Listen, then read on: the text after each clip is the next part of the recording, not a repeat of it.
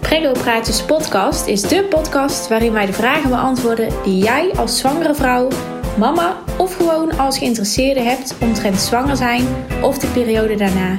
In onze afleveringen spreken wij zowel professionals, zwangere vrouwen als kerstverse mama's. In deze aflevering ga ik in gesprek met Christel. Christel werkt sinds 8 jaar als kraamzorg.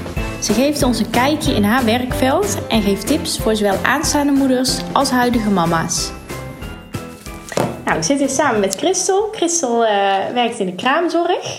En eh, ik ken Christel al wel, maar misschien kan ik uh, Christel beter zelf het woord geven. Dat ze zichzelf even voorstelt.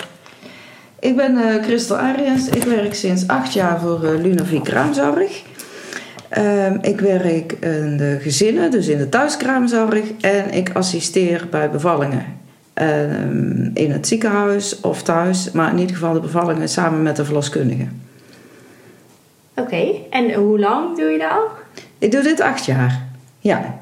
Ik ben uh, acht jaar geleden omgeschoold. En uh, toen ben ik verkorte opleiding gaan doen voor kraamverzorgster. En daar heb ik echt nooit spijt van gehad. En was de reden dat je daarvoor hebt gekozen? Ik heb vroeger gestudeerd voor diëtisten. En toen wilde ik eigenlijk overstappen naar verloskundige. Dat heb ik toen niet gedaan. Het is altijd een beetje blijven kriebelen. Nu ben ik, uh, vond ik maar acht jaar geleden wel te oud om nog een opleiding voor verloskundige te gaan doen. Maar toen kwam dit op mijn pad. Heb ik meteen gesolliciteerd. Ben ik meteen aangenomen. En toen ben ik dit uh, acht jaar geleden gaan doen. En dat is een opleiding van een jaar. Met werken en leren erbij. En dan ga je meteen in een gezin uh, werken eigenlijk. En na een jaar was ik klaar en toen had ik echt helemaal mijn plek gevonden. En je geeft aan, dat is eigenlijk het mooiste eh, wat je, wat je kunt doen. Wat, wat vind je er zo mooi aan, aan de kraamzorg? Uh, nou, het wordt sowieso nooit saai. Want je hebt altijd verschillende mensen, altijd verschillende situaties. Uh, je komt bij mensen in huis, in hun privésfeer, zeg maar. Je eh, hebt heel intiem contact met die mensen doordat je ook de verzorging van de moeder doet, ook van het kind. Sowieso bij de bevalling natuurlijk heb je een heel bijzonder eh, contact. Want dat is eigenlijk het uh, meest ingrijpende moment haast in een mensenleven. Dus uh, daar mag je dan bij zijn. Dus dat is natuurlijk heel erg mooi. En ja, dat is met vreugde en verdriet, want er kan natuurlijk van alles gebeuren. Maar ja, iedere bevalling is weer prachtig. En iedere gezin is, is blij dat je er bent. En je kunt iets betekenen voor die mensen. Het is gewoon mooi dat je in de, die fase van een leven dan erbij mag zijn, vind ik. -hmm. Hey, ik gaf net aan van uh, je, je, werkt dan thuis ook bij mensen, dus aan huis, ja. uh, die kraamzorg en ook in het ziekenhuis. Ja, mensen krijgen, uh, nee, de kraamzorg is niet in het ziekenhuis, de bevallingen in het ziekenhuis en thuis. Ja. En ik werk bij de mensen in het gezin als ze eenmaal bevallen zijn. Mm -hmm. Dan gaan ze, of ze zijn thuis of ze gaan naar huis vanuit het ziekenhuis of vanuit het kraamhotel hier in de regio. En dan krijgen de mensen acht dagen zorg.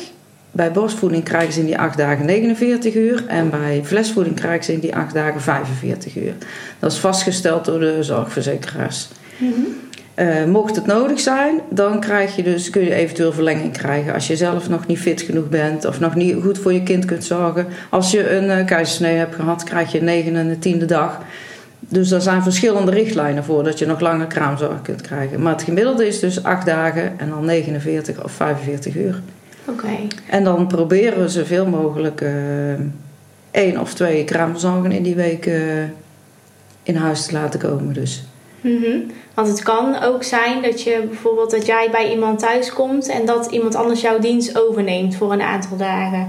Dat kan, ja. Dat kan als je op rooster werkt of als je al heel veel dagen achter elkaar gewerkt hebt. Uh, of als iemand met vakantie gaat. Of, uh, dus dat kan. Het kan zijn dat er iemand anders uh, dan nog een aflos doet, noemen we dat dan. En uh, ja, die aflos die moet je gewoon zien als een verrijking. Je krijgt weer nieuwe tips en je krijgt weer nieuwe adviezen. En, uh, dus heel veel mensen ervaren dat eigenlijk achteraf ook al als prima. Mhm. Die hebben er in het begin zo van, vind het een beetje jammer, want je bouwt een band op hè, de, de eerste Ja. dagen. Maar als daarna iemand anders komt, dan bouw je eigenlijk ook wel weer een band op. En dan krijg je ook wel weer vaak een klik mee. En uh, die kan je weer andere dingen vertellen. Dus uiteindelijk zijn mensen daar eigenlijk heel tevreden over. Mhm. Maar hoe is dat dan voor jou bijvoorbeeld? Want jij draait al een periode met een gezin mee. Nou, stel je, ja, dat is natuurlijk bij elke kraamzorgweek, dan houdt die week op. Ja, En dat lijkt me heel raar dat je dan en het gezin niet meer ziet en het kindje niet meer ziet. ja, dat is echt heel jammer. En in het begin moest ik daar heel erg aan wennen. Want je hebt zo vaak leuke contacten in een kraamweek, omdat het zo persoonlijk is. Heb je zo vaak leuke contacten. En dan, ehm, ja, bij de ene meer dan bij de ander. Dat is altijd natuurlijk. Heb je altijd met mensen. En dan valt het weg. Dus dan hoop je heel erg dat je mensen nog wel eens ziet. En sommigen heb ik ook nog eh, wel eens met, via telefoon of via mail of zo nog wel eens contact mee. Dus, eh, of ze vragen je weer voor een tweede of een derde kind bijvoorbeeld. Dus dan is het leuk dat je daar terug kunt en dat je het kind weer eens kunt zien. En een enkele keer kom ik nog wel eens iemand tegen. Maar Ja. het is jammer, je moet daar echt aan wennen. Als je Ja. weggaat zo, dat je dan het, het, het contact eh, weg is. Ja, dat kan ik me best voorstellen, inderdaad. Maar ook andersom hoor. Als je bijvoorbeeld hè, als, als vrouw zijn inderdaad een hele leuke kraamzorg hebt en die is na een week is die weg. Ja, En ja, ik kan Ja. me ook voorstellen dat dat Ja. heel vervelend is. Ja, we worden ook regelmatig huilend uitgezwaaid. Ja, dat kan ik me voorstellen, ja. Maar dat is niet alleen vanwege de persoon, maar dat komt ook omdat dan je kraamweek voorbij is. Ja, Dus dat is Ja. ook wel iets. Dan is die, die feestweek, zeg maar. Hè, we proberen er dan een feestweek van te maken. Het is een fijne week. En voor ons is het heel belangrijk dat je er eh, goed op terugkijkt. Dat je met een goed gevoel op de kraamweek terugkijkt. En voor de kraamvrouw is het vaak van, oh, nou is het voorbij. Dan moet ik het zelf gaan doen. En nou, het was zo lekker. En ik werd verwend, alles gedaan. En eh, ja, dan is het gewoon eens jammer. eh. ja. ja. En de hormonen die dan meespelen. Want die doen ook nog veel natuurlijk. Hè? Ja, zeker. Ja.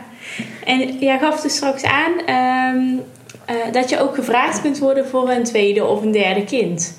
Kan, Ja. kan, kun je daar aangeven? Ja, je mag voorkeur opgeven bij de organisatie. En ehm, ze gaan daar zoveel mogelijk rekening mee houden. maar voor ons is het wel heel lastig om. ehm, het, je kunt het niet inplannen eigenlijk. Wij kunnen het niet inplannen. En ehm, ze moeten bij de, bij, de, bij de organisatie moeten ze kijken of jij op dit moment vrij bent. Of je al niet te veel dagen gewerkt hebt. Of je niet toevallig vakantie hebt. Ik werk heel veel ehm, voor bevallingen. Dus dat wil zeggen dat ik dagen op wacht sta. In die dagen kan ik geen gezin draaien. Dus dan kan ik het ook niet zomaar over gaan nemen. Dan kan niet zomaar zeggen van nou dan doe ik toch geen wacht. Dan doe ik een gezin. Dat gaat dus niet zomaar.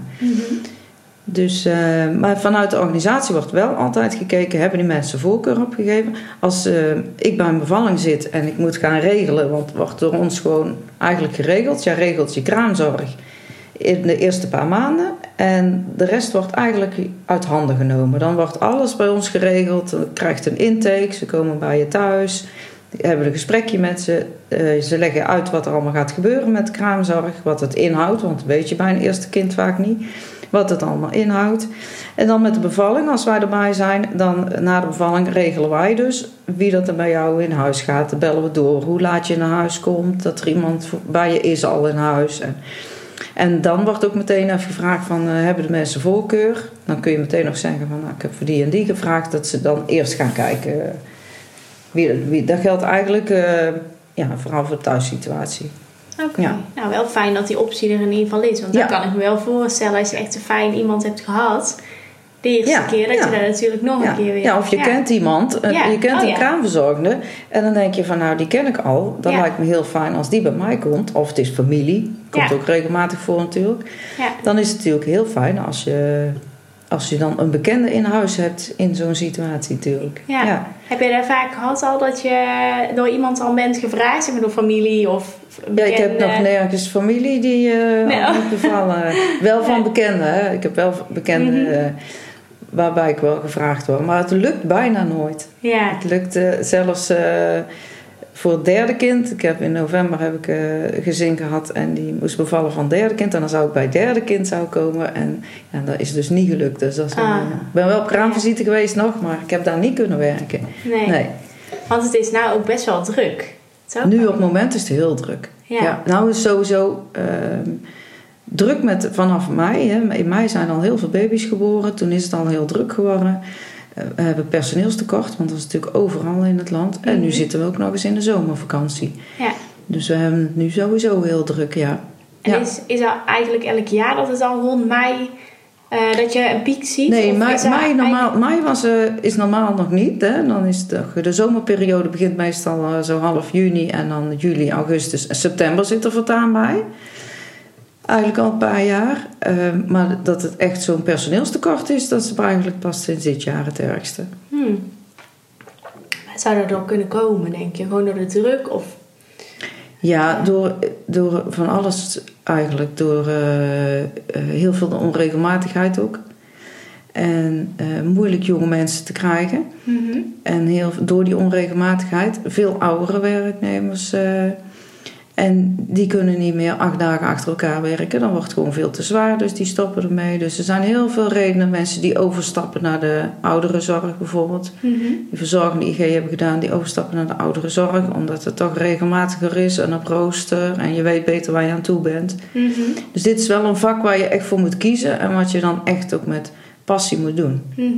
Nou, anders kun je het ook niet volhouden. Dit is ook echt iets. Als jij geen passie hebt voor dit vak, dan breng je het ook niet over. Mhm. En mensen merken dat jij het met heel je enthousiasme en heel je plezier doet. En dat Ja. kun je anders gewoon niet laten zien. Dus, eh, Ja. Maar ja, dat is dus wel een probleem de laatste jaren. En dan komen er gelukkig weer verschillende nieuwe bij. Dus, eh, en er worden weer opleidingen verzorgd. Dat er weer eh, nieuwe jonge mensen komen. Ja. Maar het is, en het is, helemaal, het is in heel het land. Het is helemaal landelijk. Dat het, eh, en wij zitten hier in een heel drukke regio. Rondom Tilburg is een drukke regio. Mhm. En heeft er dan ook gevolgen voor, eh, voor zwangere vrouwen die bijvoorbeeld gaan bevallen? Dat er, ik, heb- ik had iets gelezen over dat, dat er dan minder uren beschikbaar was, bijvoorbeeld. Nou, op het moment is de afspraak, en hier in mei ook geweest, dat je in plaats van acht dagen, zeven dagen zorg krijgt. En dan eh, wel zoveel mogelijk de uren waar je recht op hebt. Het is niet altijd eh, te realiseren, omdat je dus soms te veel uren hebt in zeven dagen. Dan, kan iemand, dan werkt iemand tien uur op een dag, dat kan dus niet. Hè? Dus, eh, of, of, of negen uur of zo. Dus dat is even bekijken. Maar je krijgt in zeven dagen eigenlijk zoveel mogelijk de uren waar je recht op hebt, zover als het kan. En het is om te voorkomen dat we eerder hadden we eh, dat je dan meerdere gezinnen ging doen, maar dat een gezin dan maar drie uur op een dag kreeg. Dus je kreeg wel zorg, maar drie uur op een dag. En nu is het voor de gezinnen prettiger, want ze krijgen zeven dagen toch zorg. De achtste dag is even kijken. Als de achtste dag of negen of tiende nodig is, dan kan het altijd. Dan wordt het ingepast. Maar eh, over het algemeen zijn gezinnen de zevende dag wel zo ver dat ze het zelf kunnen doen. Met al die uren die ze hebben. En dat Ja. is een fijnere oplossing voor iedereen eigenlijk. En voor kraamzorgen en voor de gezinnen. Dan dat je dus drie uurtjes op een dag krijgt. Ja. Want nu heb je toch meer zorg. En zeker bij een eerste kind. Ja.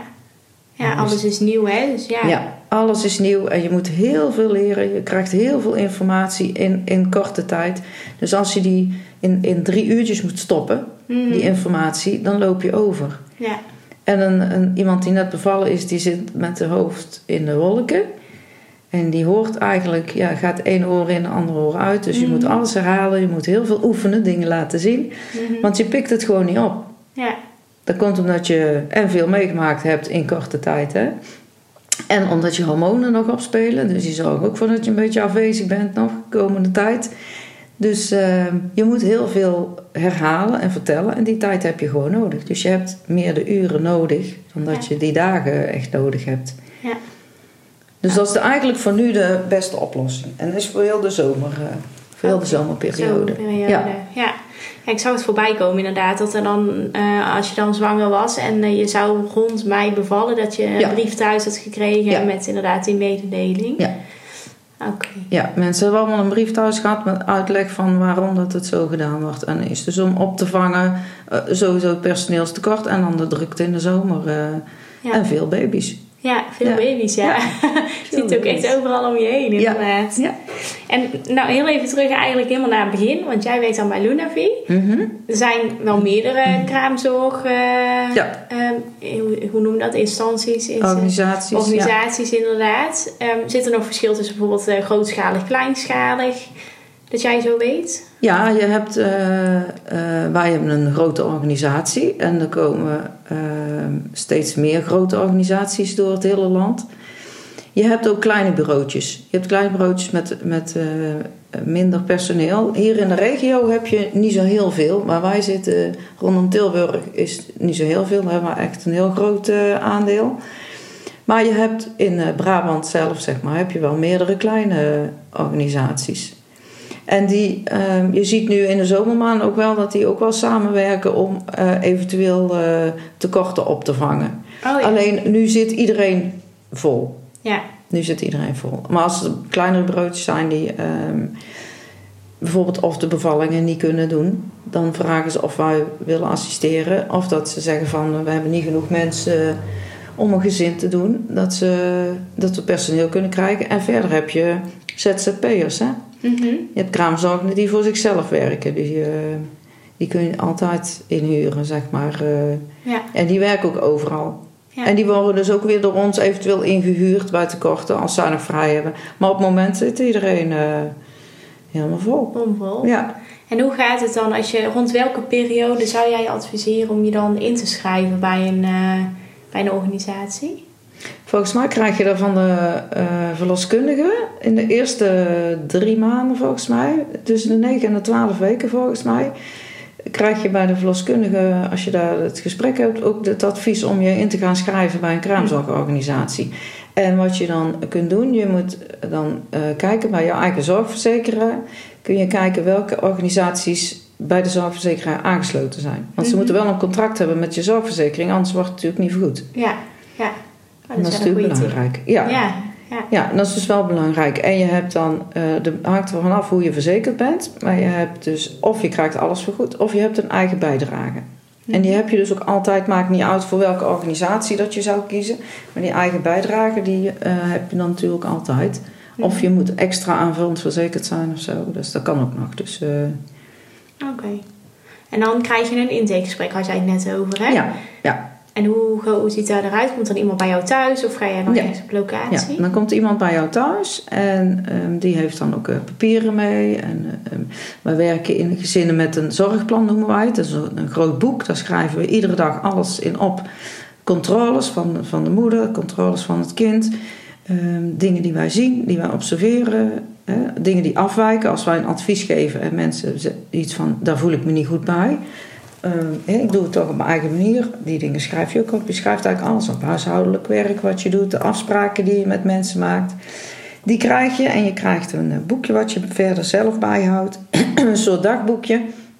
En ze legt helemaal uit van uh, wat je in huis moet hebben en wat, je, uh, wat er van de kraamzorg verwacht mag worden. Wat je zelf eventueel nog moet doen. Dat je bed bijvoorbeeld op klossen moet staan of op bierkratjes, zulke dingen. Mm te kijken ook uh, hoe de situatie in huis is. Want je komt natuurlijk ook bij mensen waarbij je uh, een beetje twijfelachtig is. Zo van, kan een kind hier veilig opgroeien? Mm -hmm. Er zijn ook dingen waar ze naar kijken. En hygiëne en al die dingen en dan kijken ze ook eventueel uh, hoeveel uren je nodig hebt. Kijk, als jij volledig verzekerd bent, maar jij zit op een heel klein appartementje. Of jij bent uh, een, een, jonge moeder die nog bij de ouders in huis woont. Dan heb jij natuurlijk niet al jouw uren nodig die jij eventueel van de verzekering mag hebben. Mm -hmm. Dus dan wordt ook nagekeken van passen de uren wel bij jouw situatie. Ja. Dus er wordt heel veel dingen wordt dan gekeken bij een eerste intake. Hm. Ja. Nou ja, dan, en dan is het moment zover dat je dan uh, dus gaat bevallen. Jij geeft aan, jullie zijn daar als kraamzorg ook bij aanwezig. Maar wij zijn, het is niet degene die in het gezin komt, vaak. We mhm. proberen het soms wel. Als ik een uh, wacht heb om bevallingen te doen en de volgende dag in een gezin moet starten, dan proberen we dat ik in het gezin kan starten waar ik die dag daarvoor een bevalling heb gedaan. Mm maar over het algemeen is het team van uh, kraamverzorgers die bevallingen doet apart van degene die thuis komt werken. Hm. Dat is wel een vast uh, team van mensen die dus de bevalling doen. Die zijn extra uh, geschoold, hebben extra cursussen gedaan. Doen heel veel bevallingen, dus die zijn heel veel gewend om te handelen. Die hebben een hele goede vertrouwensband opgebouwd met de verloskundige waar ze mee samenwerken. En dan merken mensen ook. Mensen vinden het prettig om te merken dat ze ingewerkt zijn. Dat we goed op elkaar ingespeeld zijn. Dat er een goede samenwerking is van een verloskundige en een kraamzorgster. Want dan ge dat geeft vertrouwen aan mensen. Want mocht er iets gebeuren, dan weet je ook dat, de, dat ze weten hoe te handelen. Mm -hmm. wat, er moet, wat ze moeten doen, hoe ze kunnen ingrijpen, noem maar op. Mm -hmm. Dus, ehm, Want jij doet dan zowel in het ziekenhuis inderdaad de bevallingen als thuis eh, de kraamzorg. ja, eigenlijk alles wat er... Ja, maar ook de, de bevallingen thuis ook. Die, alles, Ja, alle bevallingen ja. die met de verloskundige zijn. Ja, En als het niet meer met de verloskundige kan, dat wil Mhm. zeggen de verloskundige het moet overdragen, noemen we dan, naar een gynaecoloog of naar een verloskundige van het ziekenhuis, eh, dan wordt het overgenomen door verpleegkundigen van het ziekenhuis. oké.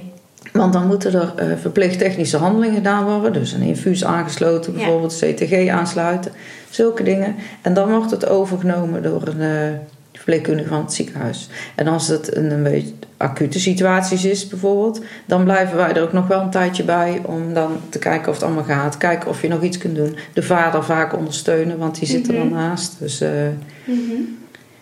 Want, ehm, nou goed, we hebben Wilma gesproken, dan de verloskundige. Mhm. Eh, daar hebben we een aflevering mee opgenomen. Die heeft uitgelegd wat de verloskundige doet tijdens de bevalling. Wat is dan de rol van de kraamzorg? De uh, kraamzorg kan misschien het beste zijn bij binnenkomst.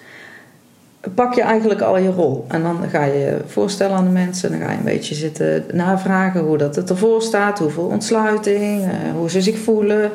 Um, je gaat kijken met, uh, met die mevrouw van... Wil ze in bad? Wil ze onder de douche? Waar voelt ze zich fijn bij? Uh, wil ze rondlopen? Om ze zo comfortabel mogelijk te maken... Uh, je biedt ze eten, drinken aan, zulke dingen, tot ze het helemaal uh, naar de zin hebben. En dan ga je je spullen vast klaarleggen. En dat wil zeggen, kruikjes in een bedje. Daar doe je warme doeken omheen, voor meteen uh, als het kind geboren is. Je legt de eerste kleertjes vast klaar, die het kindje aan mag. En die uh, gaan ook in een kruikje. En dan leg je allemaal in een bedje, dat het warm blijft. Je zorgt dat alles klaar staat wat je tijdens de bevalling nodig hebt. Dus dan staat een, een, een kar en je hebt matjes nodig uh, om bloedverlies op te vangen. Je hebt uh, van alles eigenlijk nodig. Alles bij de hand wat een verloskundige eventueel nodig heeft. Zodat je eraan kunt reiken als een verloskundige daarom vraagt. We werken met uh, koude washandjes. We werken met warme washandjes. Eigenlijk van alles wat nodig is op het moment van, van bevallen, zeg maar. En voor het kind en voor de moeder. Mm-hmm. En dan ondertussen de vader, die vergeten, want die hou je natuurlijk ook in de gaten. Ja. Hè? Dat die het ook, uh, soms is het wel heel spannend. Uh, dus dat die het dus ook nog uh, redden, zeg maar. Mm-hmm. dan, je hebt alles klaargelegd en dan ga je kijken wat je voor de kraamvrouw kunt doen. Want dan gaat kijken van, kan ik ze ondersteunen met een ademhaling? Kan ik de rug masseren? kan ik haar nog andere houdingen vertellen? Kan ik ze helpen met douchen, in bad, noem maar op. En op die manier ga je coachen. En dan ga je ze uh, ondersteunen, je gaat ze bemoedigen, uh, proberen dat ze het volhouden, uh, toespreken. En het is uh, iedere keer weer heel knap, vind ik, wat een vrouw kan. Wat ze toch kan, ondanks dat ze denkt van niet. En um, ja, voor ons is het heel mooi als je ze dan kunt coachen, dat ze het toch helemaal volhouden tot het einde. En dan ja, tot het kind geboren wordt. Mm-hmm. En vaak hoor je terug dat ze dat uh, op dat moment heel erg nodig hebben gehad. En ook heel erg prettig hebben gevonden. En dat ze fijn zijn dat er iemand was die op dat moment tegen ze praatte. En zei van nu moet je zo ademen. Of je moet door je neus ademen. Even rustig worden. Want je gaat hyperventileren. Want dan weet je zelf niet meer. Mm-hmm. Je hebt zelf niet meer in de gaten. Je raakt in een roes. Dat moet ook van hormonen. Dat je in een roes raakt. En je krijgt de pijn. En om dan de controle te houden zelf. En om niet in paniek te raken. Is het heel fijn dat er iemand naast staat. Die jou gaat vertellen van wacht even. Nu even zo ademen. Ik zucht even met je mee. Let op je ademhaling. Ja, draai een keer om. Misschien op een andere zij. Noem maar op. Dus... Uh... Mm-hmm. En waar ik echt van stond te kijken bij de bevalling, was dat ze op een gegeven moment vroegen van, zal ik foto's maken? Of zal ik filmen? En toen dacht ik eerst, nou, dat hoeft niet, maar achteraf is het eigenlijk heel mooi dat het Ja. is gedaan. Dus ja, dat is ook wel heel erg fijn. Ja, ja je, je, kunt, ehm, je mag zelf aangeven natuurlijk van wil je van tijdens de geboorte of na de geboorte pas. Of van, eh, terwijl je nog de weeën op aan het vangen bent. Dat is voor iedereen eh, heel verschillend. Sommigen willen gewoon per se niet van tevoren. Ja, dan doe je het ook niet. Maar vaak zie je eh, dat achteraf mensen juist die foto's van van tevoren. Dat je dus samen met je partner dus de weeën op aan het vangen bent. Dat je het, het team wat je op dat moment vormt om het, uh, om je kind te krijgen. Uh, die foto's zijn juist heel mooi. Mm-hmm. En uh, de, de foto's van de geboorte van een kind is voor iedereen persoonlijk. Maar vaak wordt erop teruggekeken omdat het toch wel heel mooi is om te zien. Ja. Dat je, dus daarnaast doet de kraamzorger dus ook alle foto's maken. Ja. Ja, ja ik ken alle fotocamera's inmiddels. En dan, nou goed, eh, als, als alles goed gaat, dan, eh, dan komt er een kindje ter wereld. Ehm, en wat is dan jullie taak nog? Want, eh, nou ja, goed, als je dan in, bij de bevallingen bij bent thuis of in het ziekenhuis, blijf je dan ook echt ehm, totdat er bijvoorbeeld een andere kraamzorg komt? Of, Ja, het, eerste moment dat het kind geboren wordt, wordt het op eh, borst gelegd. Dan pakken wij de warme doeken, zorgen wij dat het kind gaat huilen, gestimuleerd wordt. Soms moet het iets meer gestimuleerd, mutsje op. En dan dek je het kind helemaal af en dan blijft het bij de moeder een uur lang op de borst liggen. Gaat de moeder borstvoeding geven, dan ga je in het uur kijken of het kind begint te zoeken, of je al wil eten, begint te happen. En dan ga je het aan de borst leggen. En in die tijd ga je voor de ouders eens lekker wat drinken pakken. Want een moeder kan het laatste stuk van de bevalling niet meer eten. Want je gaat dan eh, overgeven als je niet uitkijkt. Hè? Dus je eet niet meer, je drinkt alleen nog maar een klein beetje. Maar als het kind geboren is, dan heb je wel weer heel veel zin om eh, te eten en te drinken. Dus dan gaan we drinken maken, beschuitjes smeren. kan zijn dat we eerst de verloskundige moeten assisteren dat ze moet gaan hechten nog. Dan help je dus de verloskundige eerst nog mee met hechten. En ehm, daarna ga je dan eigenlijk voor de ouders zorgen dat ze het eerste uur gewoon lekker met z'n drietjes vaak kunnen zijn en even bij kunnen komen, wat te eten en te drinken krijgen en die borstvoeding. Ondertussen hou je in de gaten of het met de moeder allemaal goed gaat, niet te groot bloedverlies, het, het, eh, dat het allemaal goed voelt, niet te veel pijn, noem maar op. Ehm, na de uur wordt je kind nagekeken. Dus dan helpt de verloskundige doet alle testen. De kraamzorger gaat dan temperaturen en de kleertjes aandoen. En de verloskundige doet gewicht natuurlijk. Dat is altijd een heel belangrijk moment. Dan ga je de kleertjes aandoen. Dan gaat het kind vaak naar de papa. En als dan de mama goed genoeg gegeten heeft, dan mag die gaan douchen. En dan ga je dus ook mee helpen. En je gaat me helpen afdrogen. Je gaat ze weer met terug op bed leggen. Kijken dat ze helemaal rustig zijn. Als ze dan helemaal klaar zijn en naar huis willen, dan zorg je dat alles mee ingepakt is. Dat alle papieren, ad- administratie klaar is. En dan mogen ze met de rolstoel mogen ze weer terug eh, naar de auto. Eh, als het s'avonds of s'nachts is, dan gaan wij vaak nog mee om een opstart te doen, heet het. Dat is bij een eerste kind sowieso. Dan ga je mee naar huis en dan ga je thuis even kijken of het kind nog op temperatuur is. Want die koelt af van naar huis gaan. Het kind nog op temperatuur is. Of die nog warm genoeg heeft. Ehm, je gaat kijken hoe het bedje opgemaakt is. Dat het op een veilige manier opgemaakt is. Je gaat nog vaak eh, iets van voeding geven. Of borstvoeding. Of nog een flesje. Je laat zien hoe het flesje moet maken. Je laat zien hoe je het met de borstvoeding goed kunt aanleggen. Je gaat aan de vader uitleggen van, of aan de partner uitleggen hoe een kruikje gemaakt moet worden. Want als het kind niet warm genoeg heeft, moet een kruikje in bed. Dus dan allemaal stappen die je doet voor de nacht. Eh, of voor voor de avond, voor de opstart. En dan begint de volgende dag begint de kraamzorgen in het gezin. En dan kan zijn dat ik dan of weer terug ga of dat er dan iemand anders komt. ja.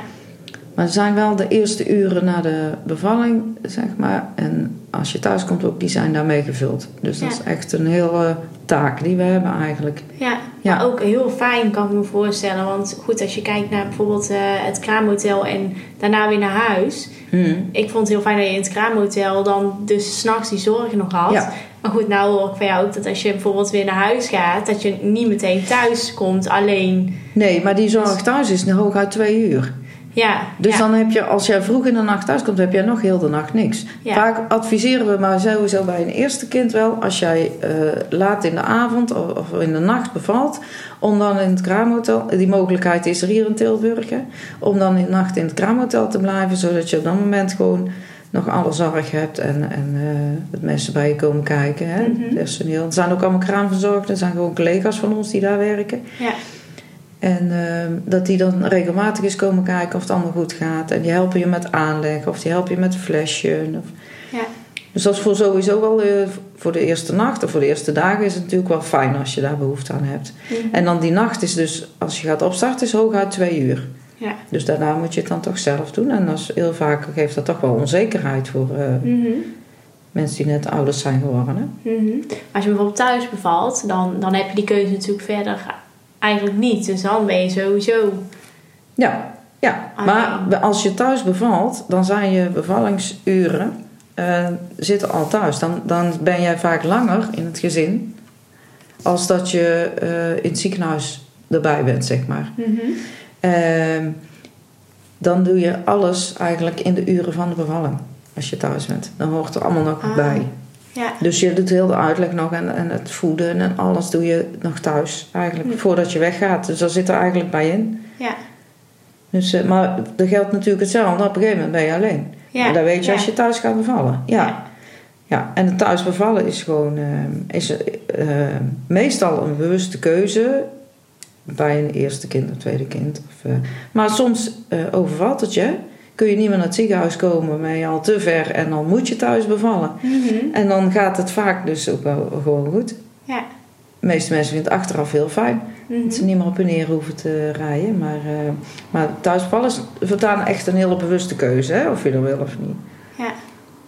En dan, komen, dan komt bijvoorbeeld de volgende dag komt er dan eh, iemand. Wat, wat zijn nou eh, dingen die de kraamzorg dan doet? Want ik denk dat iedereen wel een algemeen beeld heeft. Maar Het belangrijkste voor de kraamzorg is de zorg voor moeder en kind.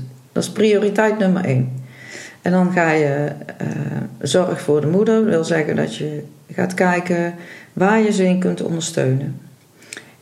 Je hebt heel veel moeders die nog gewend zijn eh, om heel veel zelf te doen natuurlijk. En om alles zelf in de hand te houden. En dat gaat dan niet meer. Dus dat is wel eens lastig. Dus je gaat zorgen dat je dan een beetje de remmer opzet, zeggen wij dan altijd. Om te zorgen dat je in bed blijft liggen. Zorg dat je herstelt. Hoe je bevalling ook is gelopen, je lichaam moet ervan herstellen. Dus dat je je rust pakt, dat je in bed blijft liggen. En dan eh, controleer je bij de moeder eigenlijk eh, iedere morgen eh, hoe de nacht is geweest. Hoe het met de borsten is. Of ze, of ze nou wel of geen borstvoeding gaan geven. Die borsten die gaan groeien en ik krijg stuwing. En die kunnen heel erg op spanning staan. En het zijn net twee siliconenborsten en je weet niet waar je ze moet laten. Je kunt er niet mee liggen en je kunt er niks mee doen. Je krijgt het er warm van. En dus je gaat vragen van, hoe voelen je borsten? Eh, heb je buikklachten? Heb je last van je buik? Nog naweeën bijvoorbeeld. Hè? Dat je het gevoel hebt dat je een soort menstruatiepijn die je nog voelt. Eh, last van je darmen bijvoorbeeld. Last van je bekken wat je nu weer krijgt. Omdat je bekken weer terug in zijn vorm moet.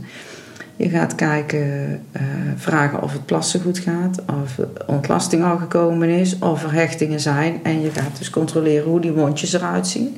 Of het allemaal goed uitziet. Of je veel last van hebt.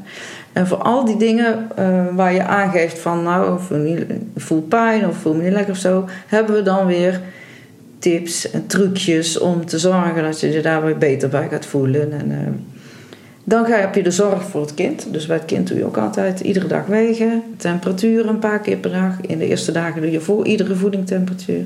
Verschonen. We houden in de gaten of een kind goed plast en poept. Of dat die gaat groeien. Eerste dagen vallen ze allemaal af, maar daarna moeten ze stabiel blijven of groeien. Um, je gaat kijken of de kleur goed is, dat ze dus roze blijven zien en dat ze niet geel worden. Um, of de voeding voldoende is, of ze goed slapen, niet te veel huilen, noem maar op, hoe dat de houding is. Of je aan de huid niks ziet, geen, geen gekke pukkeltjes of plekjes, of noem maar op. Je, je kijkt eigenlijk alles. Je kijkt heel de dag door, kijk je naar het kind, observeer je het kind. Je wil het kind ook iedere dag bloot zien. Te kijken of je niks ziet. Je houdt het naveltje goed in de gaten, hè? want er mm-hmm. zit een, stu- een stukje navelstreng aan met een klemmetje. Maar daaromheen moet dat langzaam af gaan vallen. Daaromheen mag het niet, niet rood worden, het mag niet gek gaan ruiken bijvoorbeeld, hè? dat het gaat ontsteken. En over al die dingen vertel je de mensen uh, waar je op let en wat je doet. En, en dan kun je begrijpen dat je dan heel veel informatie krijgt van al die dingen die je doet. Dus die informatie is het uh, tweede deel wat we geven. We geven informatie echt over van alles. Over praktische dingen, over medische dingen, over de dingen die uh, met slapen betrekking hebben. Eigenlijk, eigenlijk alles. En we doen uh, huishoudelijk werk. En dan is eigenlijk vooral huishoudelijk werk waarbij je ondersteunt dat de moeder dus de rust kan pakken. Je doet uh, stofzuigen, stoffen, badkamer. Uh, hou je bij, want de moeder heeft bloedverlies. Dus je houdt de badkamer goed schoon, het toilet hou je schoon waar de moeder uh, naartoe gaat. Je verzorgt de was. in principe de was van die week. Maar je kijkt gewoon of je eventueel ja, eventueel nodig is om iets extra's te doen of zo. Maar je uh, gaat dus geen grote dingen doen. We mogen wel eventueel boodschappen doen als nodig is. Soms heb je een moeder die alleen is of een partner Mhm. die heel de week moet werken. Je kunt eventueel een boodschapje doen. Uh, je mag vast uh, eten bereiden. Dat kan er allemaal in, kan allemaal besproken worden. Maar geen keukenkastje schoonmaken, geen ramen zeemen, hè, zulke, geen bergen was die er al weken, maanden liggen. Even wegstrijken, zulke dingen, daar hoort er dus niet bij. En die afspraken die leg je vast in het zorgplan, in het grote boek wat wij hebben. Zodat ook duidelijk is van wat hebben we afgesproken. En dat je naar de rand ook niet kunt zeggen van uh, dit of dit is niet gedaan. Of, uh, hè, dus dat, dat het duidelijk is. Vooral belangrijk dat het duidelijk is. Mm -hmm. Nou, je verzorgt de visite als ze komen. Een bloem in een vaas zetten, zulke kleine dingetjes. Maar eigenlijk alles met het idee om de moeder te ontlasten en te zorgen dat die er rust houdt. Dat is belangrijk. Ja. En dan s'nachts, want daar, daar, stond ik al zelf van te kijken. Eigenlijk is het heel logisch natuurlijk. Uh, dat de ouders, die moeten dus s'nachts natuurlijk bijhouden hoe het met het kindje gaat. Met plassen, poepen. Ja, ja. Um, want dat is voor jullie natuurlijk van belang om te weten. Ja, en voor de verloskundige. Ja, ja. ja. Dus we hebben een, een kraamdagboekje. Die krijg je als ouders. Die leg je ook op een commode of op je nachtkastje. En daar kun je de tijden op schrijven dat je begint met voeden. Je schrijft er uh, of borst- of flesvoeding, hoeveel dat het kind gehad heeft. Je schrijft erop of het kind geplast en gepoept heeft. Welke temperatuur. En je zet erachter of de poep geel ziet, groen ziet, bruin ziet, noem maar op. Of dat er bijzonderheden zijn. Of dat het kind een paar voedingen achter elkaar niet gegeten heeft. Veel gehaald heeft. Dus zulke dingen. En aan de hand daarvan maken wij een overzicht in het zorgplan. En kunnen wij en de verloskundige zien van hoe de nacht gegaan is. En hoeveel dat een kind binnen heeft gekregen aan voeding. En hoeveel geplast en gepoept. En dan zijn wel heel belangrijke graadmeters. Voor ons en voor de verloskundige. Want daaraan zie je van... Uh, hoe het wel of niet gaat. Of, uh, kijk, als een kind heel veel binnenkrijgt en niet groeit, mm -hmm. ja, dan ga je denken van wat is hier aan de hand? Hè? Ja. Zulke dingen. Dus daar kun je heel veel uithalen. Ja. En je zegt ook, um, je zei straks ook van um, dat een kindje aan het begin altijd afvalt. Ja. Hè, daar kan ik me best wel voorstellen dat als je een eerste kind krijgt, dat je daar niet van op de hoogte bent dat dat, dat, dat gebeurt. Nee, nee, maar we vertellen het er ook altijd wel bij. En uh, we zeggen altijd van een kind heeft een reserve voor de eerste 48 uur. Maar je wil wel zo snel mogelijk proberen om een kind aan het eten te krijgen. En de eerste uur na de geboorte zijn ze nog heel alert. Dan happen ze het beste aan als ze aan de borstvoeding gaan. Hè, of als ze een flesje drinken, dan drinken ze het beste het flesje leeg. Daarna gaan ze in slaap vallen, want dan gaan ze bijkomen van de bevalling. Mm -hmm. Maar als je de eerste dagen het kind regelmatig aan de borst doet of regelmatig flesje geeft, dan kun je uh, voorkomen dat er te lang tussen de voedingen zit en dat ze dus eigenlijk nog meer gaan afvallen.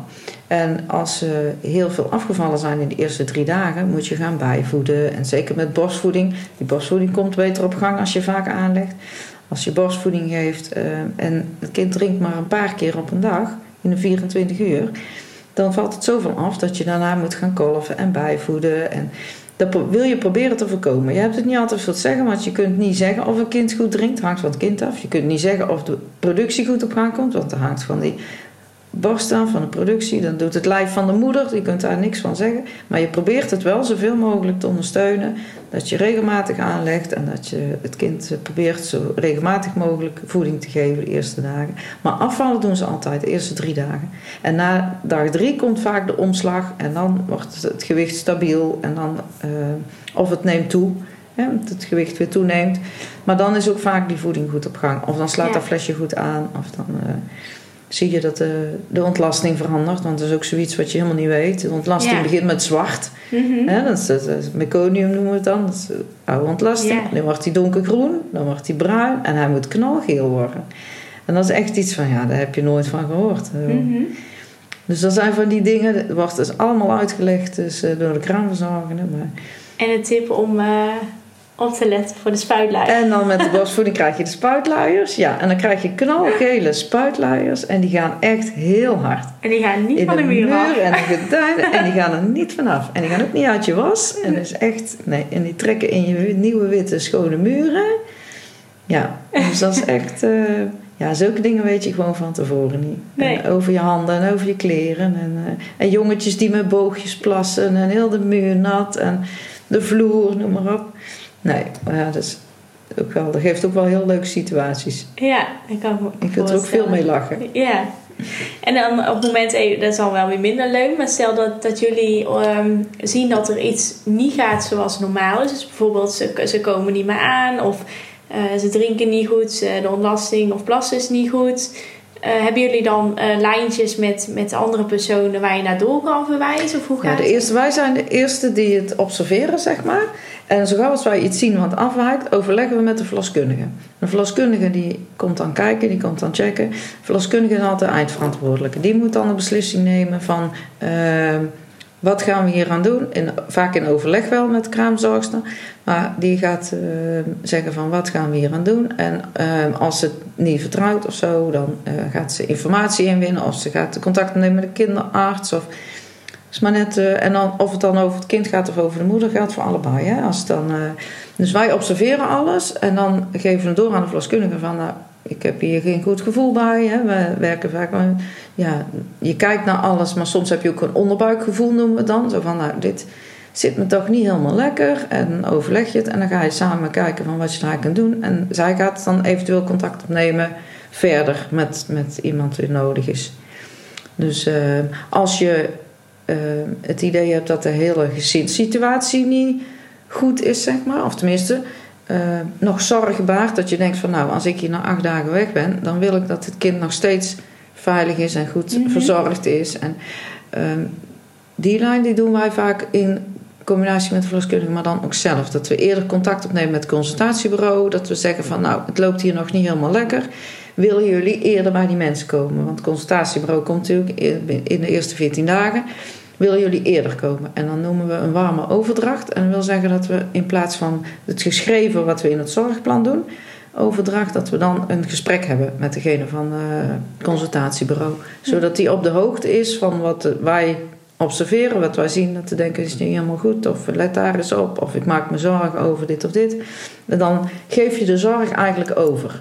Ja. Als je na zeven of acht dagen klaar bent, dan wil je eigenlijk het gezin kunnen afsluiten met het idee van of het gaat allemaal goed en ze kunnen het zelf, of ze hebben mensen achter de hand die hun mee kunnen helpen om de zorg voor het kind goed te doen. Mm Anders is het ook niet fijn om af te sluiten. Ja.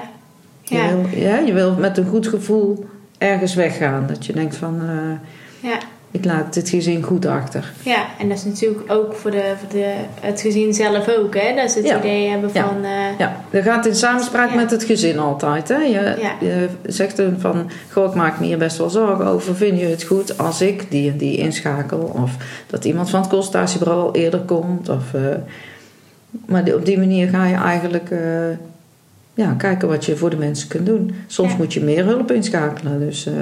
Of via de gemeente nog een extra uh, traject. Of... Ja, die mogelijkheden zijn er allemaal. Ja. ja. En jij bedoelt het consultatiebureau. Nou hebben we inderdaad ook een aflevering laatst opgenomen met Angela, uh, die bij het consultatiebureau werkt. Want zij zijn degene die eigenlijk het stokje weer, of ja, niet het stokje overnemen, want ze doen natuurlijk niet dezelfde taken als jullie hebben. Uh, maar zij volgen eigenlijk jullie op. Ja, ja, je gaat ervan uit dat de mensen zoveel mogelijk zelf kunnen na die dagen. Dat ze eigenlijk het meeste weten en zoveel mogelijk kunnen. Maar daarna wil je toch graag weten of je kindje groeit. Dus je wil het gewicht weten. En je, wil, je krijgt toch vragen. Want ik zei het er straks al. Ehm, je bent een zeef eh, als, als kraamvrouw die eerste mhm. week. En het gaat één oor in het andere oor uit. En na tien dagen of na veertien dagen denk je... ja, we hebben het erover gehad, maar hoe zat het ook alweer? Dan heb je het consultatiebureau om op terug te vallen. En eventueel de verloskundige kun je altijd bellen natuurlijk. Maar dan kun je naar het consultatiebureau kun je contact opnemen. En je hebt een inloopspreekuur waar je kunt wegen, waar je vragen kunt stellen. Dus die nemen als het ware dan een deel van die zorg over. Die uh, zeggen ook van hoe je het met de voeding moet doen. Dat is ook een heel belangrijk uh, punt. Hoe vaak je moet voeden. Met borstvoeding bijvoorbeeld. Of hoeveel je in een flesje moet doen. Of wanneer je over mag gaan op vastvoeding. Al die dingen. Dus dat is wel... Uh, dat is eigenlijk de volgende stap, ja. Ja.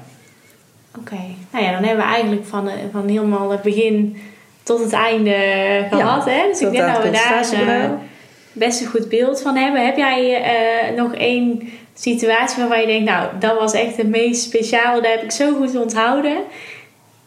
Wat je leuk vindt om te vertellen? nee, niet echt. Het is meer dat ik onthoud het meest van de situaties... Ehm, ik heb heel veel leuke mensen afgelopen jaren, heel veel leuke mensen leren kennen en heel veel leuke contacten gehad. En ehm, dat, dat blijft me vooral bij, dat ik gewoon echt, echt heel veel leuke gezinnen heb. Ik bijna nooit een gezin heb waarvan ik denk van nou, je vind ik het niet leuk of ik zou uh, blij zijn als het dit voorbij is. Nou, Mhm. dat kan me eigenlijk haast niet bedenken in al die jaren. Maar ehm, het meeste wat je bijblijft zijn gezinnen die een beetje zorgelijk waren, zeg maar. Omdat je daar dan toch over na blijft denken van hopen dat het goed gaat. En daar heb je extra voor dingen voor moeten doen. En ehm, ja, verder, het is gewoon altijd leuk. Het is, het is, of ja, altijd leuk. Het is niet altijd leuk, maar het geeft je altijd een, een goed gevoel. En je bent dankbaar dat je bij die mensen hebt gewerkt. En eh, ja. Dus ik kan niet zeggen dat er echt een situatie is die echt Die eruit springt. die eruit springt of zo. Nee, nee. Nee. Nee, het zijn, eh, het zijn eh, altijd wel weer eh, heel veel bijzondere gezinnen, bijzondere situaties. En, en het is natuurlijk. je komt natuurlijk in gezinnen met, met 1, 2, 3, 4 kinderen. Je komt ook bij wijkzorg, noemen we dat dan. hè. Dat is drie uur op een dag. Je komt bij heel veel buitenlandse mensen. En soms zit je 's morgens om tien uur al aan een warme maaltijd met soep. En ja, of je krijgt helemaal niks. Je bent daar aan het werken en je krijgt gewoon niks. Geen, geen drinken, geen water. En het is zo afwisselend.